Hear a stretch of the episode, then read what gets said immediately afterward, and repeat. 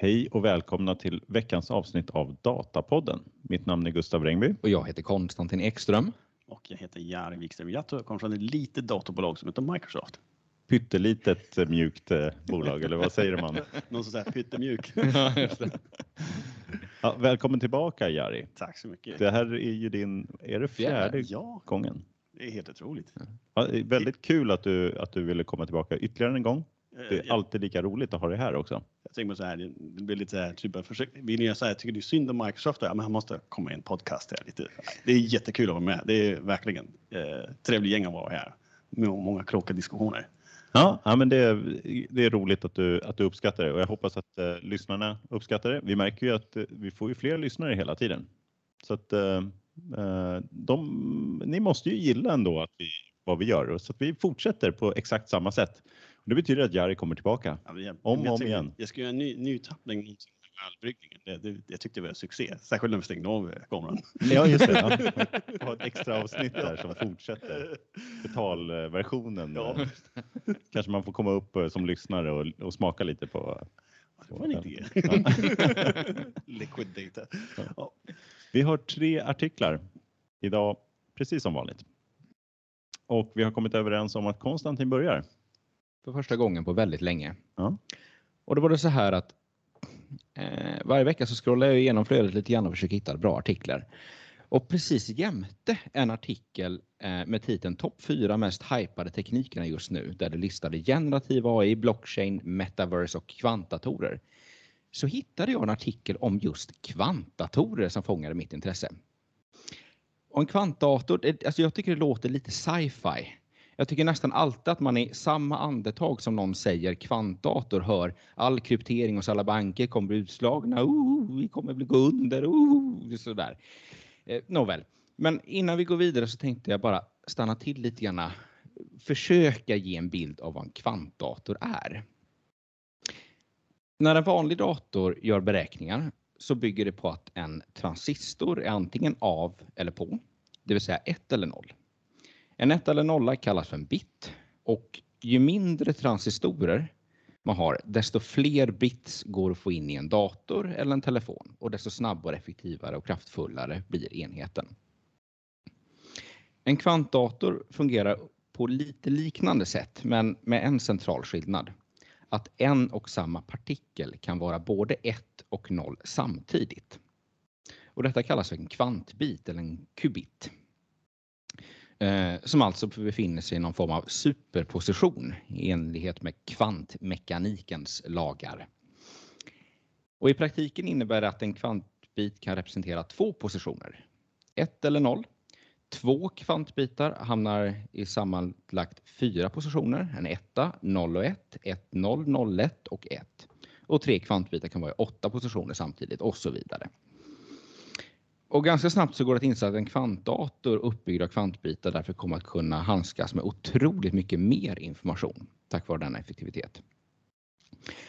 Och det här blir ju lite mer abstrakt med kvantdatorer. Alltså binärt kan man ju ändå förstå att om man skriver en text på datorn så är det lätt att tänka att en bokstav består av en serie ettor och nollor och en annan, ja, en annan serie helt enkelt. Men med kvantdatorer så blir det ju inte riktigt lika lätt liksom, att förstå. Eh, men någon gång så har jag fått höra att poängen med en kvantdator är liksom parallelliseringen. Eh, om man exempelvis ska söka efter en socka i en byrålåda eh, så öppnar en vanlig dator en byrålåda i taget, kollar finns den där. Medan en kvantdator öppnar alla lådor samtidigt och bara tjoff, där är den. Yes, det var den enkla tekniklektionen här. Eh, så då undrar man ju lite grann om detta bara är en fysikprofessors dagdrömmande eller om detta faktiskt finns på riktigt. Eh, så jag gjorde som man gör. Jag googlade och hittade en artikel från Danmarks tekniska universitet, DTU, med professor Sven Karlsson.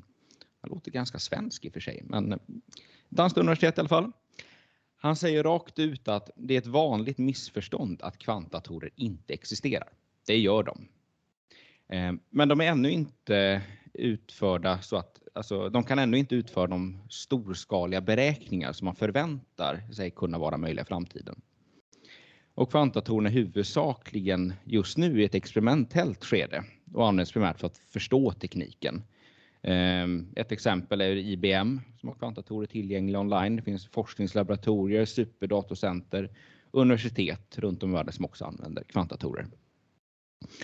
Och han säger också kanske att en, en kvantdator snarare kanske blir en del i en vanlig dator så att det är liksom ingen egen enhet på så sätt. Dessutom kan man faktiskt köpa en själv.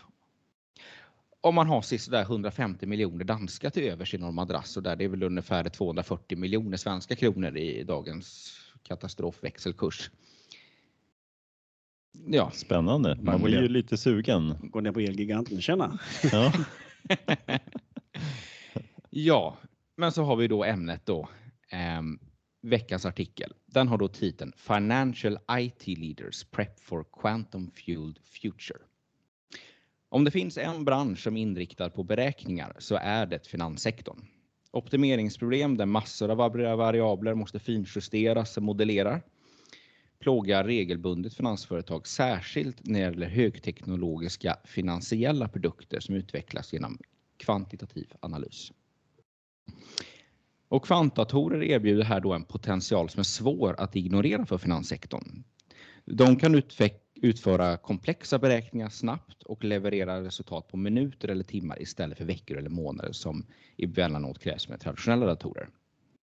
Men det är inte bara snabbheten som är intressant, eh, utan kvantumtekniken kan också leverera mer noggrann kunskap på rimlig tid. Och ett exempel på organisation som har utforskat kvantteknik är Ally Financial.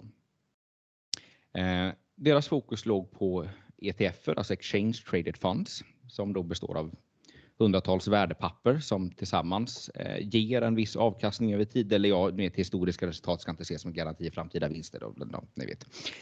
Eh, men att hantera och optimera så många komponenter i en ETF kan vara utmanande. Och eh, det fanns en önskan att minska antalet komponenter för att optimera avkastningen och minimera risken.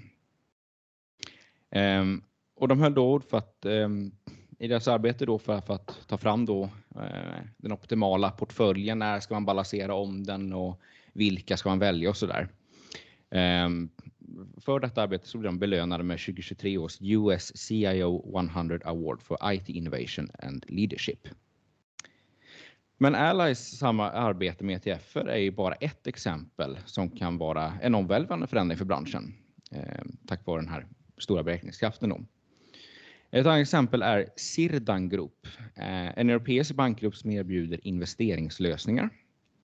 Eh, och de använder då eh, kvantdatorer. Då. Och här var fokuset på exotiska derivat. Låter väldigt vackert. Eh, och de är unikt utmanande, utmanande eftersom de representeras av matematiska funktioner utan slutna formler. Jag har ingen aning om vad det betyder. Men exempel på exotiska derivat är typ väder och energi. Och det blir så här, vad är, vad är värdet av väder? Det, det är ju liksom jättesvårt. Det blir någon sån här, äh, ja, väder påverkar det här. Ja, man vill ändå hedga sig mot om man typ har en, en åker och odlar saker och vill man på något sätt hedga sig mot liksom att det regnar när jag ska ta in skörden. Ehm, så det är ganska, äh, ganska, ganska avancerat.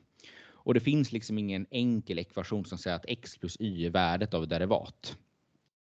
Ehm, och som ett resultat så måste man beräkna eh, dessa då genom att köra tusentals och åter tusentals Monte Carlo ehm, simuleringar då säger eh, vdn då på den här Sirdan Group.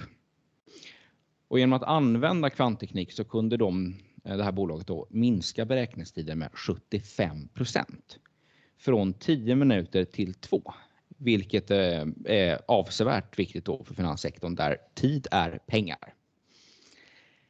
Ehm. Och det förstår man när, de liksom behöver ligga nära liksom de här eh, börserna för att ha så kort, liksom, de vill ju ha millisekunder. Tradingtid. Så då fattar man att uh, fem minuters skillnad liksom, eller? Ja, det blir en jätteskillnad. För när du blir klar med din beräkning så då är möjligheten borta. Mm. Det är mm. Jag läste en bok som heter Flash Boys. Det handlar om att de de helt grävde ner fiberkablar för att kunna, liksom, kunna komma närmare the stock exchange, alltså mm. rent digitalt. Mm. Um, bara för att kunna handla snabbare, kunna du vet, komma snabbare fram någon annan. Mm. Ja. Det är ju intressant. Mm.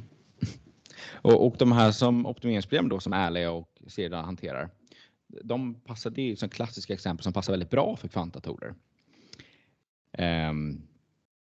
men det finns också potential eh, för att göra maskininlärning mer effektiv.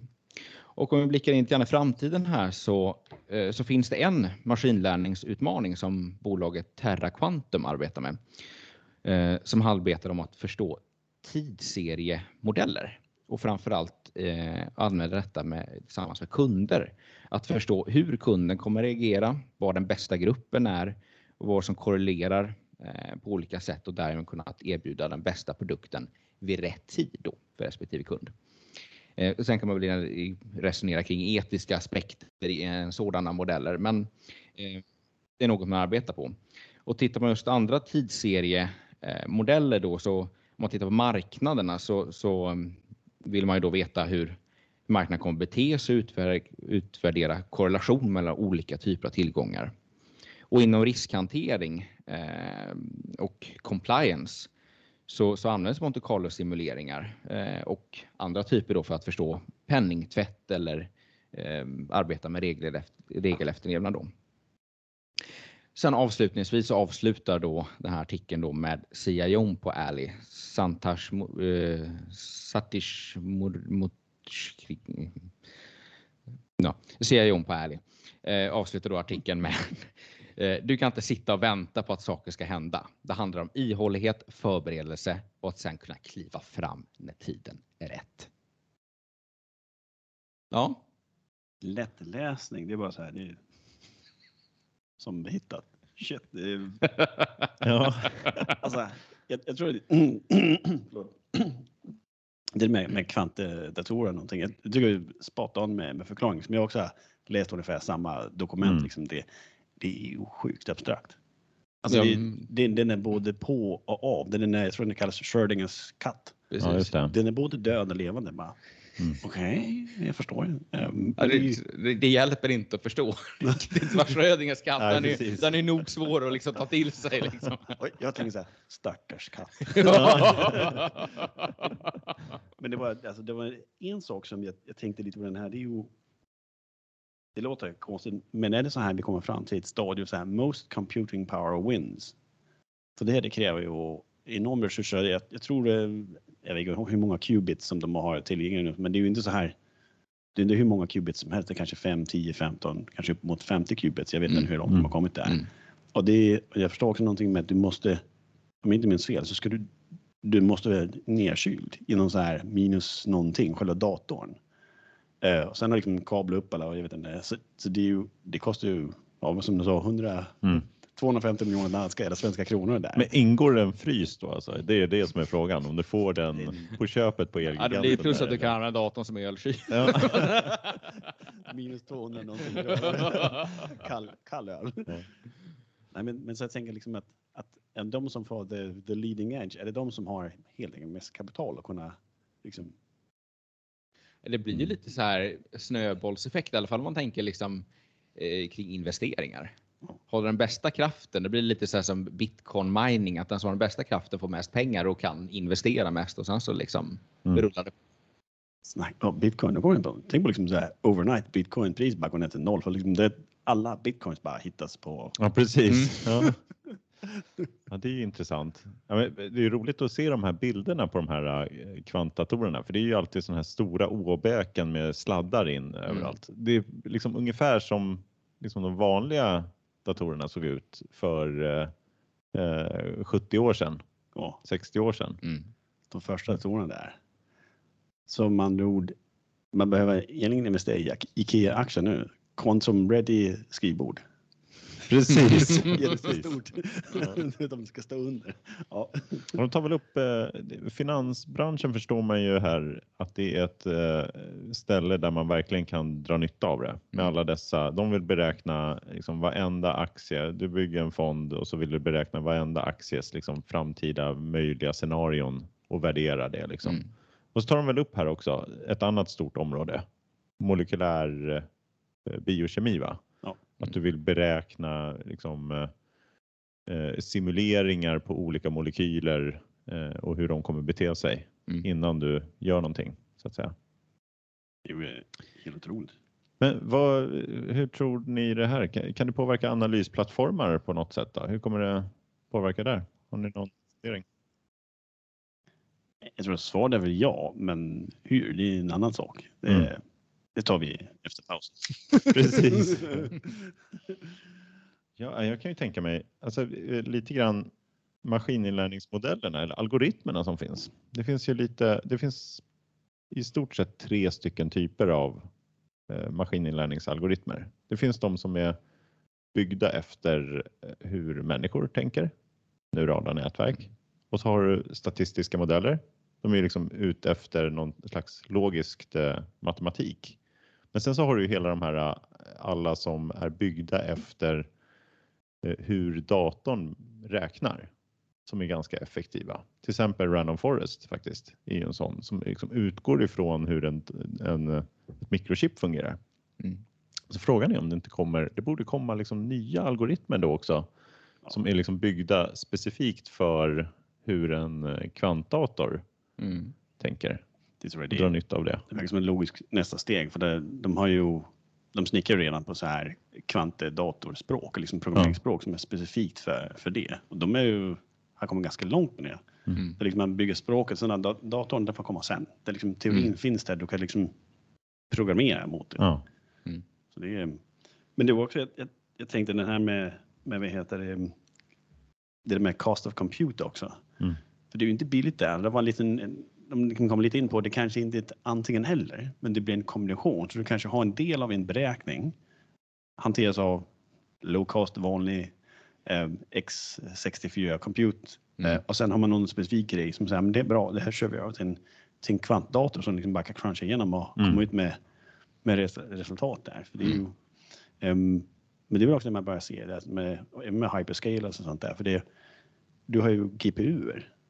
Det kostar ju också pengar. Mm. Och det, det är dyrare att ha GPU än det har vanlig CPU och sånt där. Så det kanske blir lite som en sorts serie av, av datorer. Du har en, en, Q, en, kvantdator Mm. som du använder i ditt- flöde på något sätt. Ja, ja, just det. Jag är inte samma sak med GPU att de är också bra på parallellisering är väl lite funktionen. Så kanske att vi får, kommer få världens coolaste grafiska spel här sen när, eh, när kvant eh, grafiken kommer. Ja, jag tänkte på ett annat sätt där. Det det var mycket snack om i vissa av de här, vad det Counter-Strike och någonting. Har Ja. sagt att man kunde fuska och sånt där, se igenom väggar och någonting där. Men tänk på den som har liksom en kvantdator som kan förutse. Men, ja, men jag, ska gå till, jag ska inte gå till höger här för där, chans, där kommer vi bli skjuten. Liksom så här. Du har liksom en kvantdator som löser allting åt dig. Mm. Mm. Snacka om fusk. Ja, jag- har själv använt eh, Monte Carlo-motorer sådär och byggt just kundlivstidsvärden. Mm. Där har man ju exakt samma typ av eh, ja, beräkning man vill göra. Mm. Man vill beräkna alla möjliga scenarion framåt i tiden. Mm. Hur kommer den här kunden bete sig? Vad är sannolikheten? Och sen summera alla de eh, möjligheterna. Mm. Så får man ett, eh, ett, liksom ett reellt värde. Vad är det här värt idag? Liksom, Mm. så att säga. Det kanske också man, man kommer få möjligheten att korrigera mycket mer som du liksom, de kommer in på det, att det blir mer individanpassat för idag. Mm. Men mängden beräknat blir fortfarande något sorts genomsnitt. Mm. Um, alltså, ta Facebook och alla andra, liksom det här det personliga data som du lämnar, lämnar ifrån, det blir fortfarande, du får fortfarande halvdassiga reklamer, i, alltså Mm. skräppost nu, Mm. inte så, så riktat, men i framtiden då blir det utifrån dig specifikt och det kan vara både positivt och också lite, lite negativt. Mm. Den enda gången du verkligen vill söka efter någonting så hittar du verkligen det inte. Men, så det blir ju mycket mer individanpassat. Mm.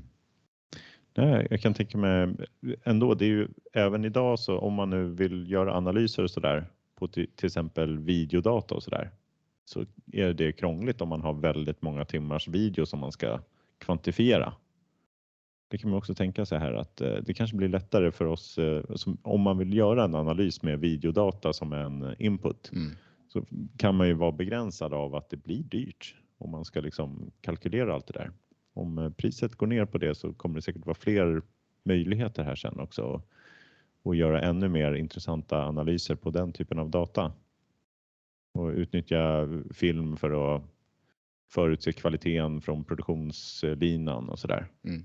Eh, Så att eh, det, det kommer nog vara intressant. Jag tänkte kanske lite domedagsprofetier på något sätt där, men ni, alla kommer ihåg eh, det där Cambridge, Cambridge Analytica, Mm. den där skandalen där. Och, och de kunde ju, de kunde inte liksom så här påverka i stor makroskala på, på det sättet liksom vi kan göra. Du kan inte få det, om du säger nej från början så kommer vi inte få dig till att säga ja. Mm. Men står liksom mitt emellan, där kanske man kan skapa inflytande. Men med det här, för de som kanske inte har så positiva eh, ändamål för, för saker där.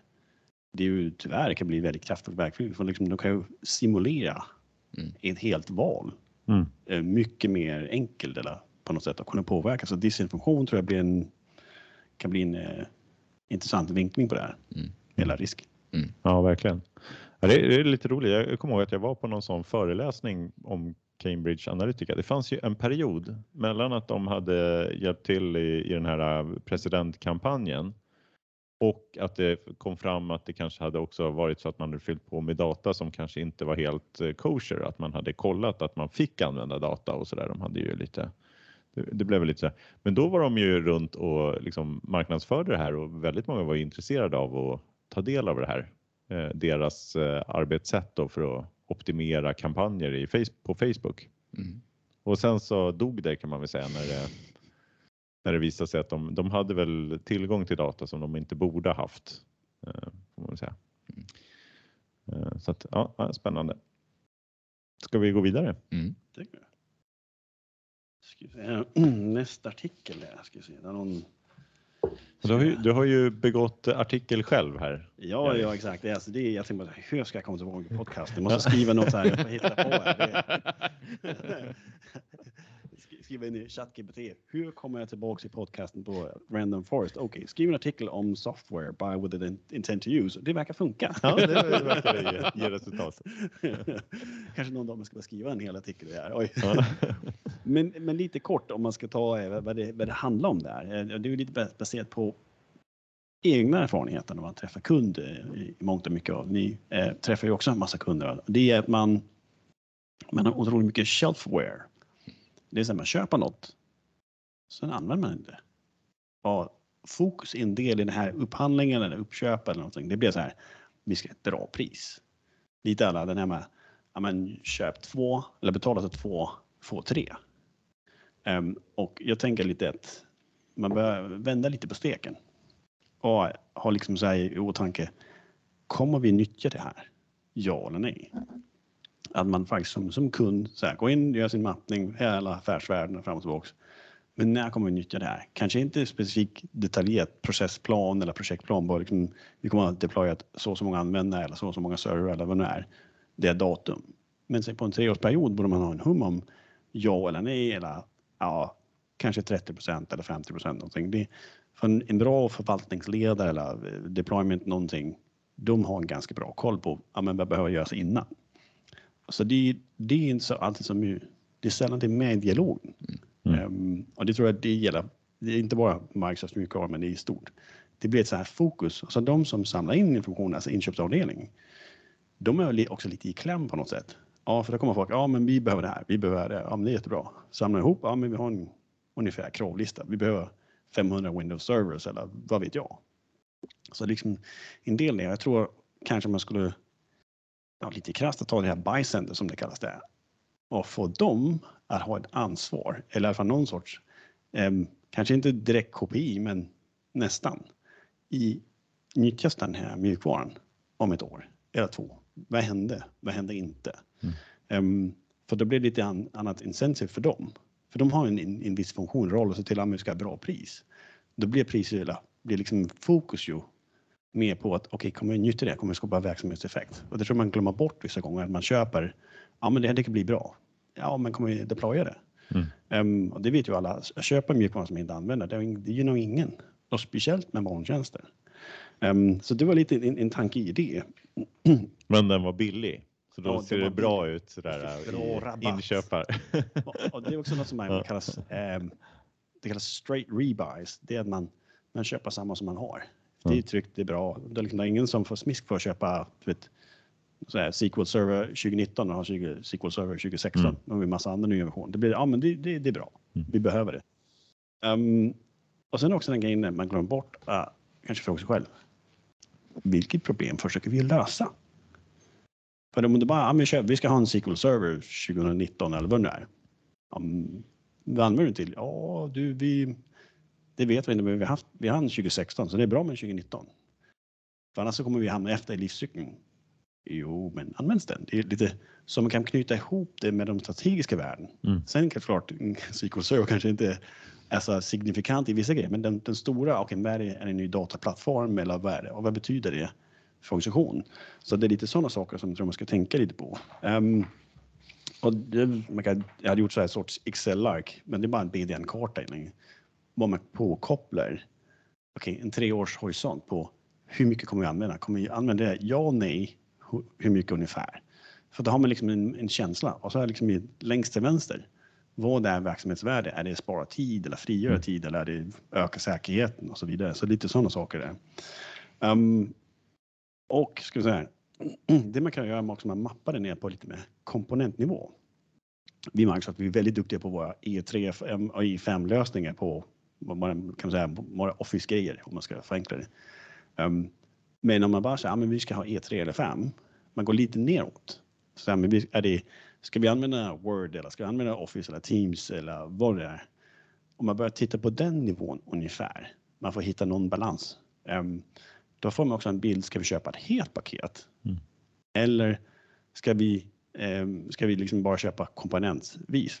Otroligt många leverantörer säljer också sina, tjejer, sina, sina, sina grejer um, per komponent. Alltså, mm. Jag brukar kalla det lösgodis där. Mm. Lite dyrare men okej. Okay. Uh, och där kanske blir det lite efter utformningen på, på nyttjande. Så mm. klart ska man också en tanke så här, okej okay, vad kommer hända om tre till fem år någonting? Uh, det går ju alltid att köpa mer. Um, ehm, E3 här, det är, det är liksom Office-paketet, den normala, liksom, med det normala innehållet. Medan E5 är väl liksom det stora paketet det om man skulle översätta det till... Eh, det McDonalds-termer, liksom, det är E3, det är, det är en vanlig en QB, cheese, någonting. Ja.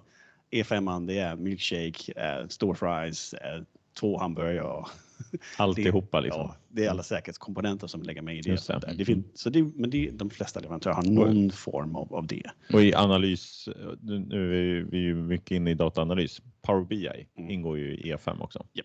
Och det, är, det är också så här, du har ju E3 har du lite Power BI, men det är liksom är det provvarianten tror jag. Kommer upp i E5 så är det premium och du får lite mer. Ja, Okej, okay. den är till och med så. Förut var det väl prov i E5, men det Eller kanske. Jag vet inte, men det. Ja. Licenser eller någonting, men, men det är också det man kan säga välja man tittar utifrån bara dataplattformslaget, vad är det vi nyttjar och inte. Så mm. det är ju viktigt. Um, what else? Um, vad skriver jag konstiga grejer? Jo, exit-strategi. Mm.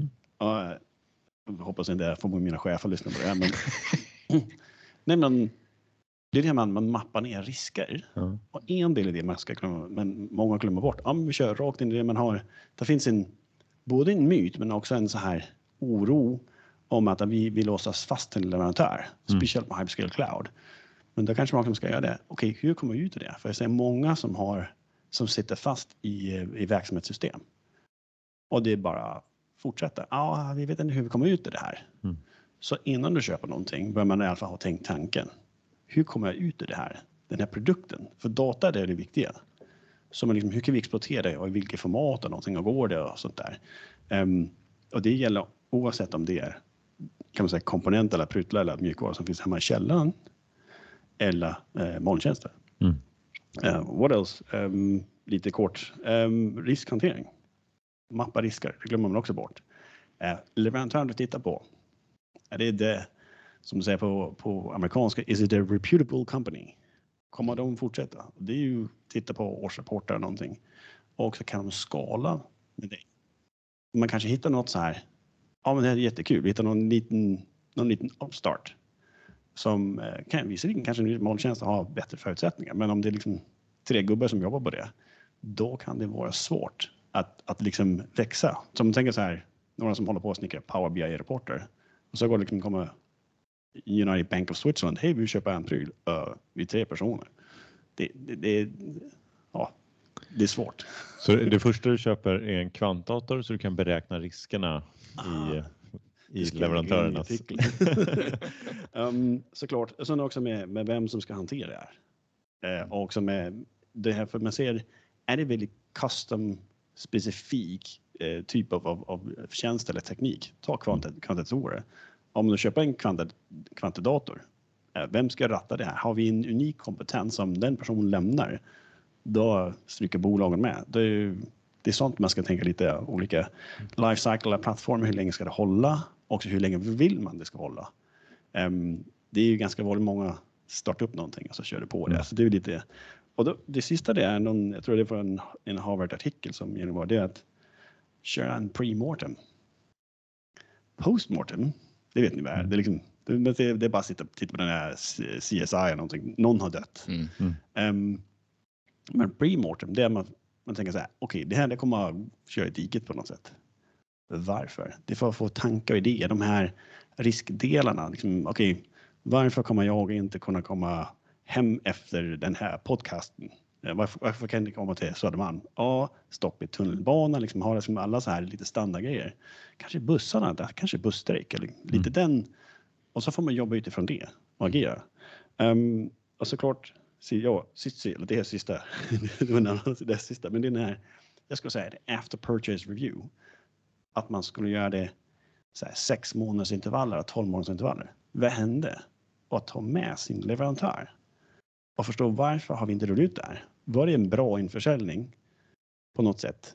Eh, men, men vi inte hade förmågan att ta emot eller vad det är. För många också, det är en dålig säljare, de bara krängde på oss någonting. Men det är ju takes two to tango. Mm. Så jag tror där man har en bra öppen dialog om det. Eh, det är såklart stora mjukvaruplattformar. Det är kanske inte så här, att jag går in och köper eh, tillägg i ditt spel på min telefon och sånt där. Um, så det var lite kort om den artikeln. Mm. Ja, mycket bra. Kul att se liksom råd från, eh, från eh, du som har varit i den här branschen och, och har lite koll på hur, hur inköp eh, brukar fungera och sådär. Tänkte, vem är det som ska ha, ta de här råden till sig? Är det en inköpsansvarig eller är, finns det flera som ska liksom, sköta de, de råden och applicera det? Hur, hur, hur tror du?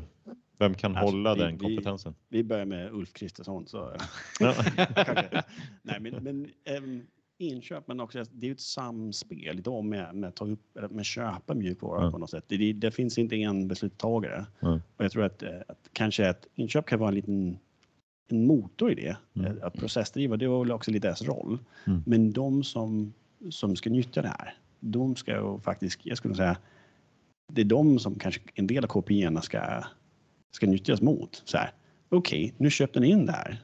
Mm. Varför är det inte deployed eller varför används det inte? Okej, okay, det kan ju vara orsaker. Ja, det, det är allt möjligt. Men jag skulle säga de som är alla beslutstagare mm. och får det liksom får det som en motion på något sätt. Um, så det är så det är inte bara inköp, um, men, men alla som är med. Det mm. gäller alla funktioner finns ju också juridik. Mm. Um, för det är ju en grej som man kan säga att ja, det, det, efter mycket om men så har vi köpt den grejen och sen så efteråt så kommer man kanske juridik säga, nej men den här molntjänsten, den kan vi inte nyttja för att. Men, men den informationen skulle ha varit med mm. från början. Mm. Och då är det kanske också det man, man ska ha lite mer holistiskt sätt på ju större mjukvarudelen är. Um, ju fler de här stakeholders ska ha med från början. Uh, för det är också med jurister, jag träffar en del i, i min roll, jag är också gift med en jurist. Jag kan säga, jag träffar en jurist varje dag. Ja. um, Men att, att de sitter också lite klämda på något sätt. För så kommer kanske IT, köper någonting, så blir det lite, oj, vad har katten nu dragit in här? Någon obskyr molntjänst i tredjepartsland och sånt där. Mm, Okej. Okay. Um, mm. Så de är lite med, lite med i början. Så jag skulle säga alla stakeholders som har, som har något att säga till om ett, eh, ett mjukvaruinköp. Ja. Vad skulle du säga, om man eh, tittar, vi har ju haft en eh, förändring här i, i hela IT-branschen från liksom licenser och hårdvara till mjukvarutjänster. De här råden, är de, är de tidlösa eller är det några som liksom har kommit just av den resan? Skulle säga? Ja, lite både och. Men det, det kommit med, jag tror en del med resan, speciellt med molntjänster. Um, sen har det existerat länge att många har kanske kanske köpt grejer som jag, liksom, man inte har nyttjat eh, mm. på, på gott och ont. Eh, det är ju, och det är ju synd. Eh, man, man inte nyttjar något man, man köper, både för, för leverantör men också för kunder såklart. Om det är det offentliga eller det är privata någonting. Det är ju ett värde som inte skapas ute i, i verkligheten. Ja. ja. Om man eh, tittar just på analysplattformen, då, dataplattformen. Är det några råd här som är viktigare eller eh, som man ska tänka på? Jag skulle säga det strategiska värdet. Um, att man tänka till lite. Vilken förmåga är det jag ska ha? Um, och det kan vara så här, vi ska ha self-service eh, uh, BI-rapporter eller vad det nu är. Och så tänker jag, okej, okay, när ska den verksamhetsförmågan, när vill vi ha den? Um, och sen styr man efter det. Och vad ska den self-service BI-rapporten, hur leder vi det in i det strategiska värdet för, för organisation? Säg på en, en bank kan det vara, men okay, vi, vi, ska inte sitta och hålla på med massa makron i Excel. Vi kan liksom bara gå in och klicka två sekunder senare så är, ett, så är det klart. Okej, bra, vi sparar tid för verksamheten. Och sen så säger man när ska det vara klart? Den delen. Så jag tror att det är mycket med, med det att knyta ihop till verksamhetsvärde. Mm. Um, och sen kommer tekniken. Det är liksom, teknik är ju kul, men, men det är minst to an end. Ja. Ja, det är väl så här, mjukvarutjänster, där är det ju lite mer att man eh, liksom pay as you go till många delar i alla fall. Eh, men man kan ju, om man, visst kan man göra så, man kan köpa liksom en, eh, ja men jag kommer förbruka det här nu, det kommer ligga 12 månader framåt. Då kan man köpa på sig förskott och få mm. lite rabatt också. Ja, man, res, man reserverar. Ja på något sätt. Sen kan man ju, alltså den finansiella delen med pengarna, det kanske man betalar en gång i månaden eller mm. det får man lösa ut på något sätt där. Men ja, du kan reservera, du kan få ganska saftiga rabatter, speciellt på till exempel VM. Så, ja, men vi, vi reserverar det här tre år fram i tiden, vi vet att mm. vi kommer ha 500 datorer som i princip står hela tiden. Mm. Bra, då, då kan man liksom spara pengar på det sättet. Det gäller alla leverantörer. Mm. Eh, så finns det ytterligare en grej, man bara håller på och kör lite labb och lek eller ska testa någonting, så finns det också som kallas spotpriser. Eh, inte något att spotta på, men det är bara så här, här finns tillgängligt järn lite krasst. Det kan du få köra tills att det kommer någon och reserverar det eller vill, mm. göra, något, göra något annat. De brukar väl rapportera det. Ja, ja, ja, så man kan ha liksom en liten, ja men nu har jag min Monte Carlo jag vill köra, så väntar man tills eh, Tills du har en eh, virtuell maskin någonstans som är tillgänglig. Det är grann som elpriset då, man kan ladda, ladda bilen när det är som billigast på natten. Ja, ja precis. Mm. Ja, jag tycker ju den här uh, Exit Strategy var ju en, uh, en intressant del uh, som du har med som råd här. Eh, jag tycker väl lite grann så, eh, det kanske är att man känner ännu mer så av cloud. Jag tror du nämnde det va också? Alltså att eh, innan molnet så kanske man kände lite mer att man köpte ändå en hårdvaruprodukt. Det är klart att man kommer ju ha någon exit någon gång från den men det kanske inte blir lika självklart som molntjänster liksom. För där, ja, det kan ju hända förändringar på dem och allting så där. Man åker ju ändå. Och cyklerna kanske är lite längre på det man väl köper in. Ja, det är ju lite att man hoppar på ett tåg. Mm. Det, är liksom, det, åker, det är ju väldigt mycket snabbare att åka tillsammans. Mm. Men eh, du kanske också kommer på att du vill någon annanstans än vad tåget ska, liksom, på ett annat sätt. Men det, och sen är det en del som snackar om det, kan man kalla man blir, fast, man blir fastlåst till en leverantör. Så här, det kallas mm. plattformsinlåsning. Mm. Men jag skulle säga det, den risken finns ju oavsett om du har något hemma i källaren eller inte. För, för så här, du har något som har skrivit en, så här, en applikation som skriver COBOL. Har du inte mm. gjort någonting åt den? Det är dyrt idag. Mm. Eh, alltså COBOL-programmerare, de, de, som, de få som finns kvar, de kan tjäna bra pengar kan man mm. säga. Mm. Um, men, men samtidigt också man måste förstå vad är, du måste på något sätt för det är en som sa så här, ja, men om vi kör open source, de är inte inlåsta. Nej, kanske inte på, på vissa, typ, med, kan man säga, vissa delar av tekniken, själva den open source-delen. Men du får ju en, en inlåsning på att du måste, du måste ha personal som kan det här. Mm. Så det, är liksom, det, det beror på lite, det är alltid inlåsningseffekter oavsett. Så det handlar liksom om portabiliteten av din data som jag ser som viktigt. Mm. Mm. Nej, men jag, den, jag eh, tycker den är, den är intressant. Jag, jag, vet att vi brukar, vi brukar tänka så lite grann att man ska försöka ha använda komponenter som ändå ska vara lätta att flytta på och så där. För det, det kan ju vara att man vill ändra också eh, bara databastyp eller vad som helst så där och vill kunna köra olika saker och så där. Så att man har med det som en komponent liksom. Någonstans så finns en exit-tanke också. Mm. Och det kopplar också till förvaltningen att ja. det inte ska vara det mest. Det ska inte vara något obskyrt som bara några vissa specialister kan utan mm. ja. det ska vara. Sen är det egress costs också som det kallas. Det är mig, det är att data, ladda upp data till molntjänst brukar vara gratis. Mm. Men eh, utgående eh, datatrafik kan kosta pengar. Och sen är det också liksom, man ska säga, man ska fundera, det jag tror man ska, det man ska titta på vilken molntjänstplattform ska jag ta och välja en. Kanske två. Mm. Och sen jobba med det. För det, det är många som kanske inte tänker på så här, men okej, men jag vill ha lite, lite Amazon idag, sen jag ha lite Microsoft imorgon, så Google lite efter. Om man har liksom 100 terabyte data. Det, det är både tid, men det är också en kostnad. Mm. Ehm, Så det är ju det är massa sånt. Och sen är det ju inte allt data du kanske vill spara. Det är ju av de här 100 terabyten, det kanske ja, men vi behöver bara sista årets data, det är en terabyte. Bra. Resten kanske man bara så här, trycker delete. Mm. Det skulle jag aldrig våga göra, men eh, Låt oss se. Finansiell information, årsredovisning, delete. ja, det är inte så viktigt. ja ja, men eh, riktigt eh, kul att få det perspektivet lite grann på eh, eh ja, på de här bitarna. Eh, en sak som jag eh, tänker på, det som man brukar eh, ofta stöta på, det är det här, alltså man tänker sig ju ändå att man ska vara så effektiv som möjligt. Men man brukar komma ner till att man får göra vissa byråkratiska abrovinklar beroende lite på bara en sån enkel sak som så här, var finns det budget? An, eh, vi jobbar ju mycket med att göra liksom investeringen, att liksom eh, göra en förändring och sen så får du en kostnad på licenser och så där. Och ofta är det ju så. Köper du premiumlicenser så får du en massa funktioner i det som gör att du kan minska ner kostnaden att införa det eller att du sparar pengar i liksom arbetstid i manuellt arbete ute i verksamheten och överallt.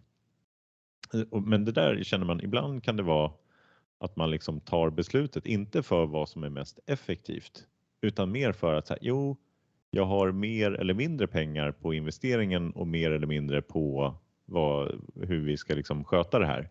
Budget, budget bingo. Ja, så man kan liksom säga, men det är inte vettigt. Så här, ni, ni borde ha det här. Ja, fast det är så här budgeten är. Nu, är det, nu får vi köra på det.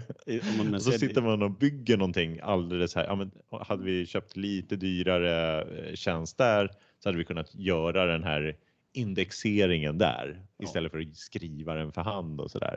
Det är väl kanske det som, som jag tänker lite många gånger med budget, det är hur den byggs upp där. Och det är många organisationer, både privata och, och eh, offentliga. Man kör en, ett inkrementellt budget.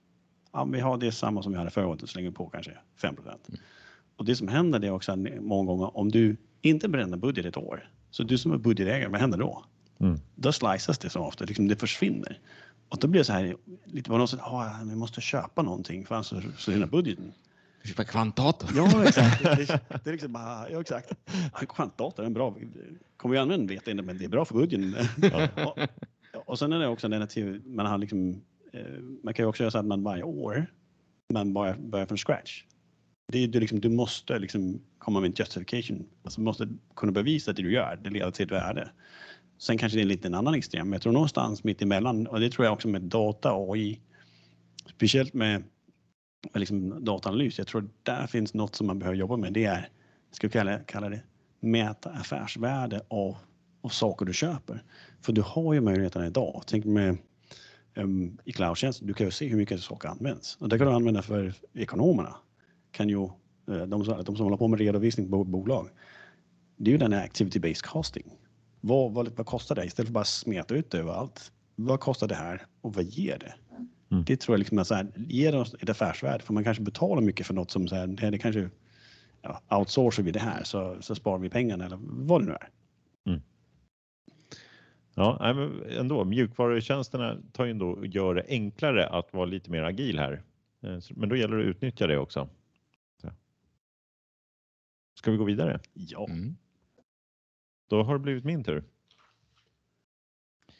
Och Eh, jag har en artikel här från eh, eh Towards eh, Data Science som är en publikation inom medium.com.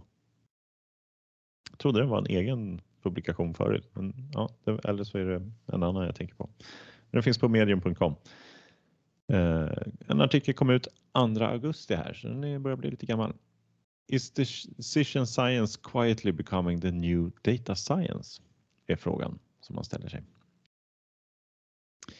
Och eh, författaren säger här då, kända data scientists, till exempel Cassie Kosyrkov som varit Chief Data Scientist på Google har sedan fem år tillbaka haft titeln Chief Decision Scientist. Generativ AI tar upp allas uppmärksamhet i branschen, men bakom ytan sker helt, en helt ny omdaning. Rollen Decision Scientist. Titeln blir allt vanligare, säger författaren här. Inte bara i tech utan i alla bolag har börjat eh, införa då en Decision Scientist då, eller flera. Vad gör denna Decision Scientist och vad är skillnaden mot Data Scientisten? Eh, den tidigare nämnda herr Cassie här, hon eh, som jobbar på Google då, hon säger att Decision Science är en disciplin som handlar om att förvandla information till agerande. Det är vetenskapen att välja mellan alternativ. Så här beskriver eh, det. Decision intelligence är det interdisciplinär, interdisciplinära fältet som behandlar alla aspekter av beslutsfattande. Både alltså datavetenskap eller data science, säger, statistik, maskininlärning, AI och analys med beteendevetenskap. Och då tar man upp här psykologi, neurovetenskap, ekonomi och eh, ledning. Är det inte bara en omprofilering av data science? Frågar sig författaren. Så kände även författaren själv först, men data science är ju kvantitativa metoder, men denna nya roll är mer holistisk. Eh, men eh, från början var data scientist en roll som innehöll både maskininlärning såväl som affärsanalys. Och eh, författaren som själv ser sig som data scientist här var indragen att lösa affärsproblem med data både i styrelserummen såväl som i maskinrummet. Men nu här, tio år senare, 2023, så är det inte riktigt så här det fungerar längre. Data scientist presenterar inte för ledningen längre, utan däremellan har du en analystolkare eller analytic eh, interpreter eller vad man skriver. De bygger inte maskininlärningsmodeller längre utan det gör maskininlärningsingenjörer eller ML eh, engineers. Jag har översatt här lite grann så att jag tar dem på både svenska och engelska här. Och DataOps team gör också då så liksom de vanliga datateamen gör maskininlärningarna eller bygger maskininlärningsmodellerna. I vissa bolag får de inte syssla med att bygga maskininlärningsmodeller ens. Där har de en machine learning scientist som gör det. Så de är inte ens med och bygger den. Inte, jag tror att tidigare här var väl att implementera då. Ja. Data scientist har helt enkelt fragmenterats till ett antal olika roller och den tidigare data scientisten kanske främst nu påminner om den nya rollen eh, då decision scientist än vad den i övrigt eh, delats upp i.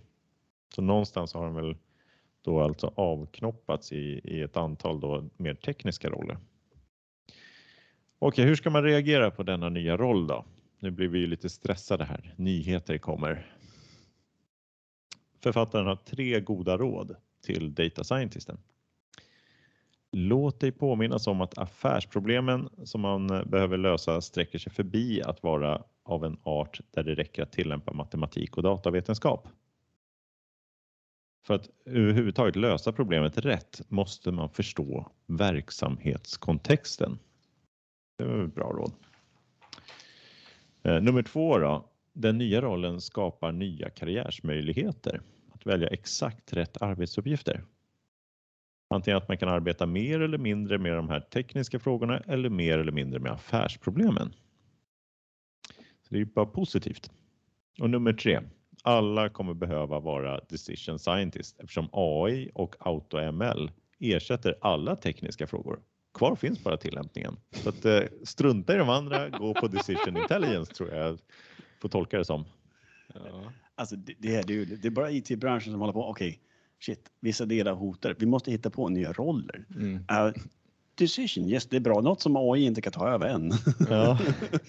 Men jag tänker också detta är liksom ett, också ett lite klassiskt symptom på när grupperingar eller liksom delorganisationer växer. Ja. Jag tänker från början så du hade kanske en eller två så de, de var liksom pionjärer. De, de, liksom kunde, de, de kunde allting. De kunde presentera jättebra. De kunde eh, programmera jättebra. Men sen så blir det här liksom ett, ett område där du vill ha en större mängd människor och då blir det mer hierarkiskt. Eh, och det finns det utrymme för att det ska bli mer hierarkiskt. Ja, det är sant. Eh. Då då, behöver då man växer det här fram. Mm. Bygga lite imperium. Mm, jag ska se, hur får jag fler folk i min organisation? Ja, men vi ska ha en date, eh, ja, en data decision här. ja, Det är bra. Ja. Så ska vi ha några andra roller. Liksom, vi hittar på lite grejer. Så vi kan Ja, precis. Men å andra sidan med fler personer så blir det ju ett, ett eh, det uppstår ju behovet av en att, att organisera. Det är mer om du har liksom en eller två personer då, då det du bygger och hur du arbetar, det, det man har koll lite oavsett. Men är du tio personer som ska liksom bygga är på en och samma och ta hand om en och samma liksom lösning så där, då måste man ha någon form av organisation också. Mm. Eh, Men eh, det är ju lite så här, det det här sträcker sig ju tio år tillbaka men inte längre. Vad hette Data Scientist innan då, 2013? Matematiker. Ja, DBO eller? Ja. Dataanalytiker kanske? Ja. CRM-analytiker var ju mycket så här kundanalytiker liksom som jobbar med kund, kunddata. Mm. Alltså, Data miner. Ja, det kommer tillbaka på 90-talet någon gång. SQL-administratör, det var det som var, var grejen. Ja. Data mining, det var länge sedan man hörde. Ja. Old school, säger man. Det är bara, ja, du, mm, vet när du är för. Det är ju till, liksom, eh, definitionen på en data miner. Det är ju att eh, man utnyttjar maskininlärning på stora datamängder som finns i organisationer. Mm. Så den är ju ganska ändå klockren fortfarande med, med vad man gör. Mm. Man. Men det är väl kanske också ett symptom på, jag skulle säga det är att, att data, ha massa data, behandla data eller kunna behandla data, inte nödvändigtvis lika med insikt. Nej. Eh, Och jag tror att det har någonstans mellan verksamheten och IT, om vi ska generalisera, det verkar där fortfarande lite så här vattentäta skott. Här får ni prylarna. Varsågod, lycka till. Mm. Ja. Men, eh, hur ska man översätta det här till svenska nu då? Jag tycker väl från början så data scientist är en ganska dålig roll för den är svår att översätta. Scientist finns liksom inte riktigt. Man kan inte säga att det är vetenskap. Ja, Forskare, dataforskare. Datavetenskapsman. Det är lite... Ja, Det blir ju- lite, det blir lite tungt liksom. Ja, dataforskare, men det har man ju inte sett. Det är ingen som använder det. Nej. Det blir ju analytiker. Ja. Ja, Eller ja, exakt. Någon, någon Mm. form för... Anal- ja. dataanalytiker kanske man säger för att specificera att det. Men decision eh, scientist, hur ska man översätta det då? Är det beslutsforskaren då eller? Beslut.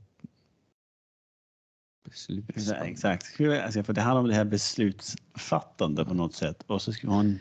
Men- Men jag tänker också, jag reagerar- det var ganska bra när du sa att det var en tolk någonstans. Just det, de För hade det en, det infört en tolk mellan data scientist och eh, eh, boardroom, liksom, eller styrelsen eller ledningen. Och var är decision scientisten i det här? Är det den som är tolken? Ja, men det är en bra fråga. Det För det- borde ju... För det tänker jag att det är egentligen det den här personen är. Alltså tolkar outputen och översätter det till vad man får höra från, Mm. mm. Exakt. från styrelsen eller Vad betyder- vad det nu är. Vad betyder siffran 3? Mm. Mm. Ja, mm. ja men Ja, exakt. precis. Så, liksom att det blir... Ja, och för sig, den har ju alltid funnits. De kallas controllers. Men det, Ja. Men de har alltid varit, controllers har ju alltid varit ändå affärsnära på ett annat sätt skulle jag vilja påstå. ja, Men det är väl uppenbarligen här också att data scientisten har inte riktigt kunnat göra sig förstådd i styrelserummen. nej. Kan man tolka in det att han, att, eh, eller data scientisten pratar för mycket liksom tekniska termer och maskininlärning och Mm. sådär. Och så att eh, styrelserummet har liksom bara långsamt eh, backat ut ur rummet och bara vi behöver någon annan som går in där och pratar med data Ja, scientisten. kan man inte bara dra in en business controller? Ja. Ja, men, men det är, ju, det är ju, när man läser liksom det här, okej, du har liksom, ska vi säga AI-delen, data science-delen av statistik, machine learning och så Mm. vidare. Vidare. och sen har liksom den här mer beteendegrejen, där management-delen. Okej, controllern, det är ju mycket mer, det är ju ekonomi. Men det är ju bara, vad kan, liksom, vad kan du härleda till något finansiellt värde? Men det finns ju också andra saker. Det är kanske det man försöker nå åt, att liksom det ska vara mer holistiska beslut i, ett, i, ett, eh, i något beslutsskede. Mm. Det kanske man försöker samla ihop, men jag vet inte, eh, vi får hitta på någon roll. Det, det brukar bli, Mm. lösa sig. Antingen så är, så är det där någon som, du vet, det kommer en officiell titel, alltså det- branschen kommer på någonting, ja men det är like, eh, beslutstroll eller Ja. Ja, till viss del, alltså de, de eh, nya titlar, de behövs ju. Det, det är ju för att det också sker en förändring. Men till viss del så är det ju också en sån här eh, att man ska visa att man är väldigt, eh, att man är, eh, har koll på ämnet lite grann. Sådär att nu händer det någonting och jag är med på tåget lite grann också. Mm. Så det, det blir ju lite så här att man måste byta titlar bara av det skälet lite grann. Mm. Man får inte köra de gamla för att då, då det blir nästan en tydlig, liksom att du poängterar att du inte riktigt hänger med. Mm. Trots att du kanske egentligen kanske är, lite har branding. koll men du har, vill bara kalla dig data scientist eller vad det Mm. nu kan vara. Ja. Lite, lite branding på något sätt där. Ja, precis. Det finns väl en grad av det och det gör väl så att hela den här, eh, liksom, när någon säger nu är det det här som gäller, då måste alla börja använda de nya uttrycken också. Just för att man måste liksom visa att man inte har eh, tappat eh, stinget på något sätt. Mm. Ja, jag, jag säger fortfarande data miner så jag tappar ju stinget för länge sedan. Ja, det är bara... tycker det är ett bra uttryck och det tänker jag hålla. Ja, ja, men ska man översätta de här till svenska? Bör, bör man ha det på svenska istället? Jag, vet, inte, jag tycker bara generellt att allt blir jättekrångligt ja. att översätta. Mm. För att, ja, nej, varför? Vi lever i en global värld. Ja. ja, faktiskt. Det, det tror jag också att, att det, det är ju, eh, ja helt rätt. Det är en global värld. Jag tror att vissa, vissa titlar, vissa roller får man liksom på något sätt eh, bara acceptera. Ja, de är är- svåra att översätta. Ja. Mm. Det liksom försvinner lite av konceptet bakom dem kanske i Mm. översättningen. Mm. Ja, jag, jag kan i och för sig gilla också lite när man översätter saker så får man det och då, då försvinner också lite av konceptualiseringen och det kan göra så att det blir lättare att förstå också. För annars så ligger det en massa eh, en massa tankar bakom den, det konceptet Mm. som kanske är svårt att förmedla bara i en mening. Medan om man säger vad man exakt menar Mm. eh, så får man en... eh, Det, det kan vara fylla sin funktion också ibland. Mm. Dataingenjör. Det tycker jag, det går ju rätt bra att översätta. Mm. Data engineer. Mm. Det är mycket lättare än data scientist. Mm. Det finns ett, eh, ett tydligt eh, svar, liksom, vad är översättningen? Ja, sen är det, men tänker jag, o- bara ordet engineer ehm, är ju, om man tänker med översättare, okej, det är, i engelskan ska jag uppfatta det som en tekniskt bevandrad person, alltså speciellt inom IT-branschen och inte en ingenjör på det sättet. Och det tror jag finns också lite, för du har liksom, ta inom eh, ta, eh, supportbranschen, det är ofta så kallas support engineer, Mm. alltså supporttekniker, det vill med översätta det, men så in, ordet engineer ska man också, på engelska, där har man kanske bättre förståelse av kontexten. Vad betyder det i den här yrkeskontext på något sätt? Mm. Och översätta med, ja, men ingenjör, så tänker man om det är någon som har gått liksom fem år på universitetet och har någon sån ingenjörsutbildning och har beräknat, vad vet jag, konstiga grejer. Mm. Ehm, Mm. Men det behöver inte alls vara så. Ja, sant. Mm. Nej, nu hörde jag också att eh, nu dyker det upp eh, analytic engineer så att man säger att data engineer inte räcker till heller. Har vi hört här lite grann att det, det har dykt upp lite grann som Mm. ett eh, nytt ord också. Kanske vi får ta en ny artikel kring.